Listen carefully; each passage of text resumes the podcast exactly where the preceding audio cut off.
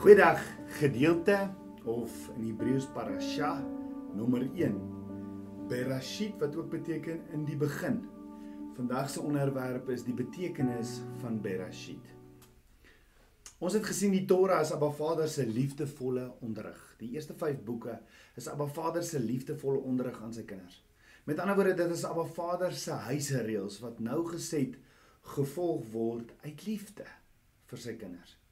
Vir diegene wat nie in Yeshua glo nie, vir hulle sal die Torah soos Abba Vader se oordeel wees. Want Yeshua sê in Johannes 12 vers 48 tot 49: Wie my verwerp en my woorde nie aanneem nie, het een wat hom oordeel. Die woord wat ek gespreek het, dit sal hom oordeel in die laaste dag. Want ek het nie uit myself gespreek nie, maar die Vader wat my gestuur het, het my 'n gebod gegee wat ek moet sê en wat ek moet spreek. So, so ons het gesien die Torah Die eerste 5 boeke in die Bybel word vertaal in Afrikaans as die wet. Yeshua sê in Matteus 5 vers 17: Moenie dink ek het gekom om die wet, die Torah, of die profete, die tweede die Haftara, te ontbind nie. Ek het nie gekom om te ontbind nie, maar om te vervul. Die woordjie wet is die Torah waarvan Yeshua praat.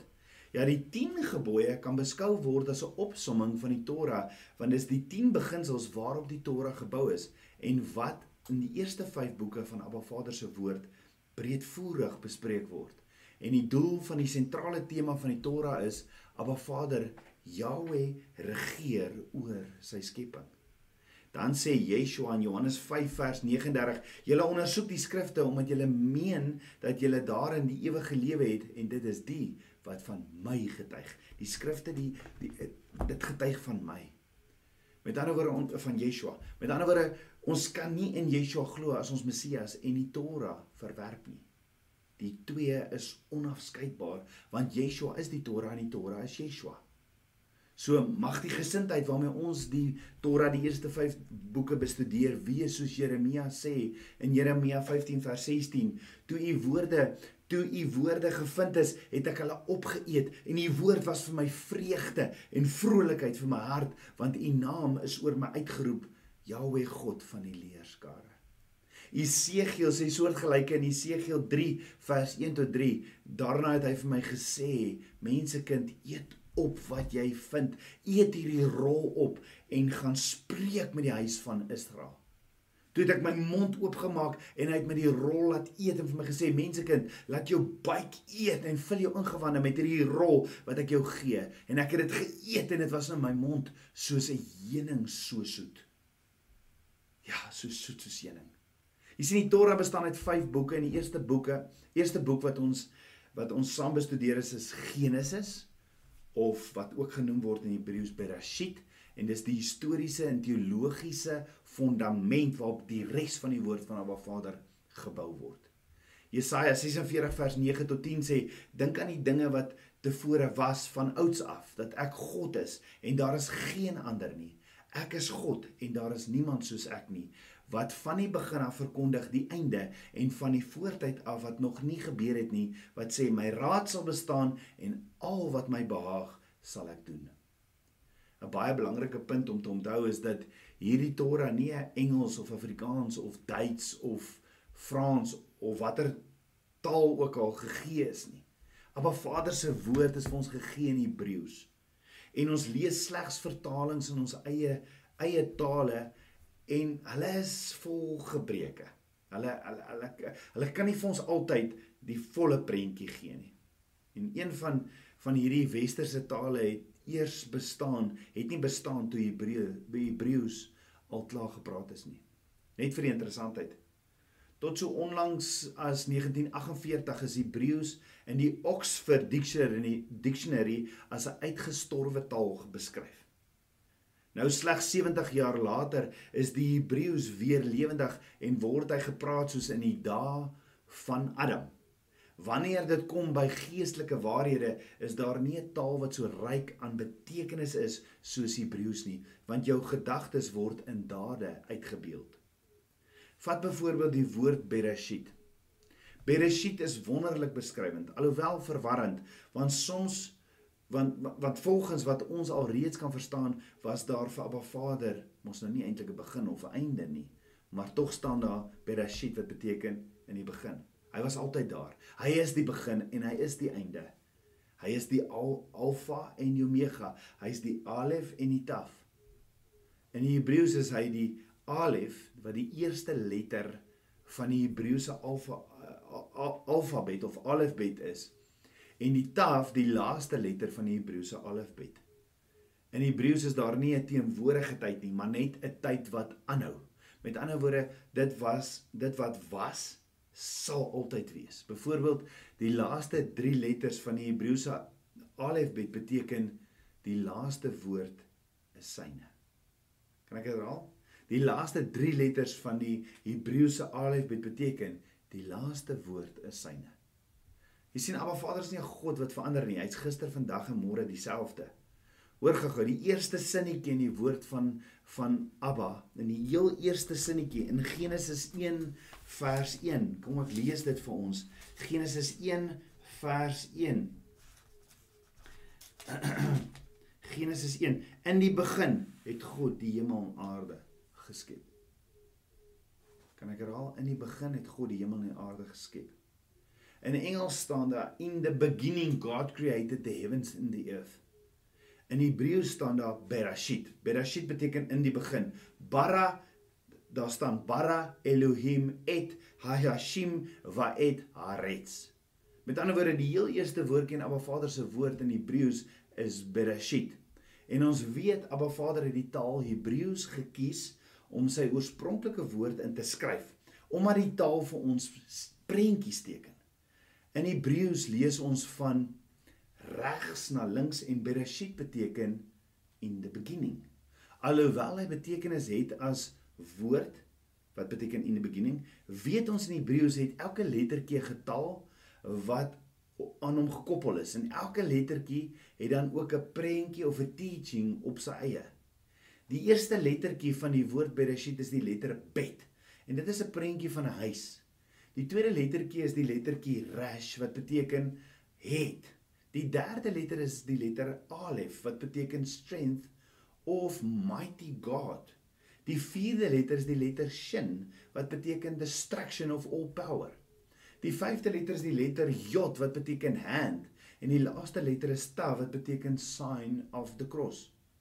Wanneer ons net na hierdie eerste woord in die Bybel gaan kyk en ons sien hoe hierdie lettertjies langs mekaar lê, is daar ander woorde wat ons ook daar kan uitkry as jy twee letters bymekaar sit. Met ander met ander woorde behalwe die letters wat elkeen sy eie betekenis het, kan ons nog woorde daar uitkry deur middel van letters wat langs mekaar lê. Byvoorbeeld die woordjie teacher staan ook binne in Bereshit. Die woordjie appoint staan ook daar binne. Die woord verbond staan daar binne want Abba Vader is 'n God van verbond. Die woord created staan daar binne. Die woord fire staan daar binne en die woord home staan ook daar binne. En as ons al hierdie prentjies van die eerste woord van Bereshit in die begin van Abba Vader se woord bymekaar sit, lees ons die volgende: Elohim will create a house through covenant. He will appoint his son as the head of the house. He will give him all the strength and all the power, and he will be a teacher and a consuming fire. He will be the hand of God, and his sign will be en dan wil die wêreld kom en die kruis toemaak, die hels toemaak. Kan ek dit gou weer alles herhaal in Afrikaans?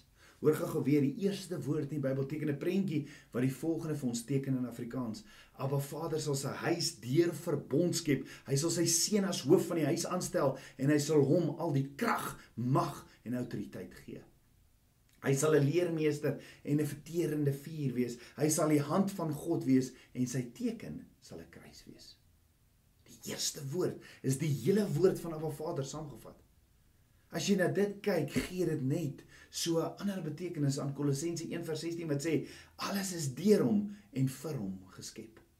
Dit gaan alles oor Yeshua en van die begin af het Abba Vader die plan gehad om hierdie verbonds, hierdie liefdesverbond met ons te maak om saam met hom te wandel 24/7 en daarom is hy nog steeds dieselfde 'n vader van verhouding, 'n vader van verbond. So die eerste 6 hoofstukke hoofstukke van Genesis bevat die verhaal van die skepping soos van die begin gevind word geskryf uit die perspektief van Abba Vader. En soos wat ons Genesis 1 tot 6 bestudeer, beleef ons verskeie eerstens. Die eerstes, die eerste die eerste iets wat geskape was, was mos die lig. Die eerste dag op aarde vind ons, die eerste lewende wesens vind ons, die eerste mense na sy beeld geskape. Die eerste plek deur Jahweh geskape, tuin van Eden. Dit is 'n spesiale plek deur hom daar gestel daar waarin hy saam met ons wil wandel en en wat weer later herstel gaan word. Die eerste voorplanting van die van die skepping, die eerste dood, die eerste geval waar daar iemand deur Abba Vader uitgesonder gaan word, Noag. Daar's ook 'n geheimenis rondom die 10 generasies wat Noag vooraf gegaan het en hoe Abba Vader een man uitgekies het wie hy die hele aarde van totale uitwissing wou red. Dan is daar ook die eerste kennismaking met die bose oorgegou. Die eerste sin in die Hebreëse vertaling, die eerste sin in die Hebreëse vertaling bestaan uit 7 woorde en ons weet daar is ook 7 dae van die skepping en sommer hier van die begin af sien ons die volledigheid wat aangedui word deur die getal 7. Ons gaan al hoe meer bewus word van die gebruik van hierdie getal om net gou-gou 'n paar te noem. 7 dae van die skepping sewe feeste van Jahweh, afsprake wat Abba Vader met ons het. Sewe tak kandelare in die tabernakel en die tempel op die menorah. Sewe gemeentes, sewe uh instrumente binne in die tabernakel en en nog baie meer. Nou volgens die geleerdes stel die sewe dae van die skepping ook die 7000 jaar wat die mens op die aarde sal wees voor, naamlik die tydperk van verlatenheid, Dis die tydperk van Adam tot Abraham, is 2000 jaar. Dan die tydperk van die Torah, dis die tydperk van Abraham, die die vorming van die volk Israel en die gee van die Torah op Berg Sinai, dis 2000 jaar. Die tydperk van ons Messias, dis die tydperk van die geboorte van Yeshua tot 2000 na Christus. Dit kan die tydperk van die millennium Dan kry ons die tydperk van millennium, die koninkryk van Messias, die 1000 jaar vrede op aarde. Openbaring 1:3 sê salig is hy wat die woorde van die profete lees en die wat dit hoor en bewaar wat daarin geskrywe is, want die tyd is naby. Soos ons bestudering van Genesis 1 tot Genesis 6, is daar 'n paar storie of verhale wat amper afsonderlike episodes is, soos byvoorbeeld Adam en Eva by die boom Kain en Abel en wat met mekaar uh Kain wat vir Abel doodmaak en Noag en die ark. Dis klein mini reekse in hierdie hele opsommende begin. Maar dink gou daaroor. Wat as hierdie stories, hierdie verhale nie bedoel is om elk in isolasie gelees te word nie. Wat as al hierdie stories saam een groot verhaal vertel? Wat as Abba Vader se liefdesboek, die Torah, soos enige goeie boek 'n plot het? Wat as elke storie spesifiek vertel word en saam invloei in mekaar in die volgende storie en saam opbou na een groot hoogtepunt? Maar jy sien soos enige boek sê Abba Vader nie vir ons vooraf waaroor sy woord gaan nie. Net omdat die skrywer Abba Vader nie vir ons vooraf sê waaroor sy boek gaan nie, beteken dit nie daar is nie 'n goue lyn of betekenis nie, maar dalk wag Abba Vader vir ons om dit te ontdek. So dink daaroor. Wat dink jy is die goue lyn of betekenis regdeur Vader se woord? Kom ons bid saam. Ons almagtige Vader, Abba, dankie dat U die skepper van my hart is. Abba, en ek wil my met my hele hart U loof en U prys. Ek gee my hart oor aan U. Vader, dankie vir u liefdevolle onderrig en dat u 'n God is van verhouding. En Abba, ek wil u woord, u boek rol opeet, want u woord is vir my vreugde en vrolikheid vir my hart. Dit is vir my so soet soos heuning. Meer en meer wil ek hê van u, Abba. Kom gee vir my meer en meer van u waarheid. Meer en meer u waarheid. Lei my uit die bose. Was my met die waterbad van die Ek bid dit alles in Yeshua, Messie se naam, die seun van Jahweh. Shalom. Goeiedag Tabernakelskind van Abba. As jy weekliks hierdie preke wil ontvang, Gaan volg ons Facebookblad en ons YouTube kanaal en jy sal dit weekliks kry. Mag jy 'n Shalom dag hê. Shalom.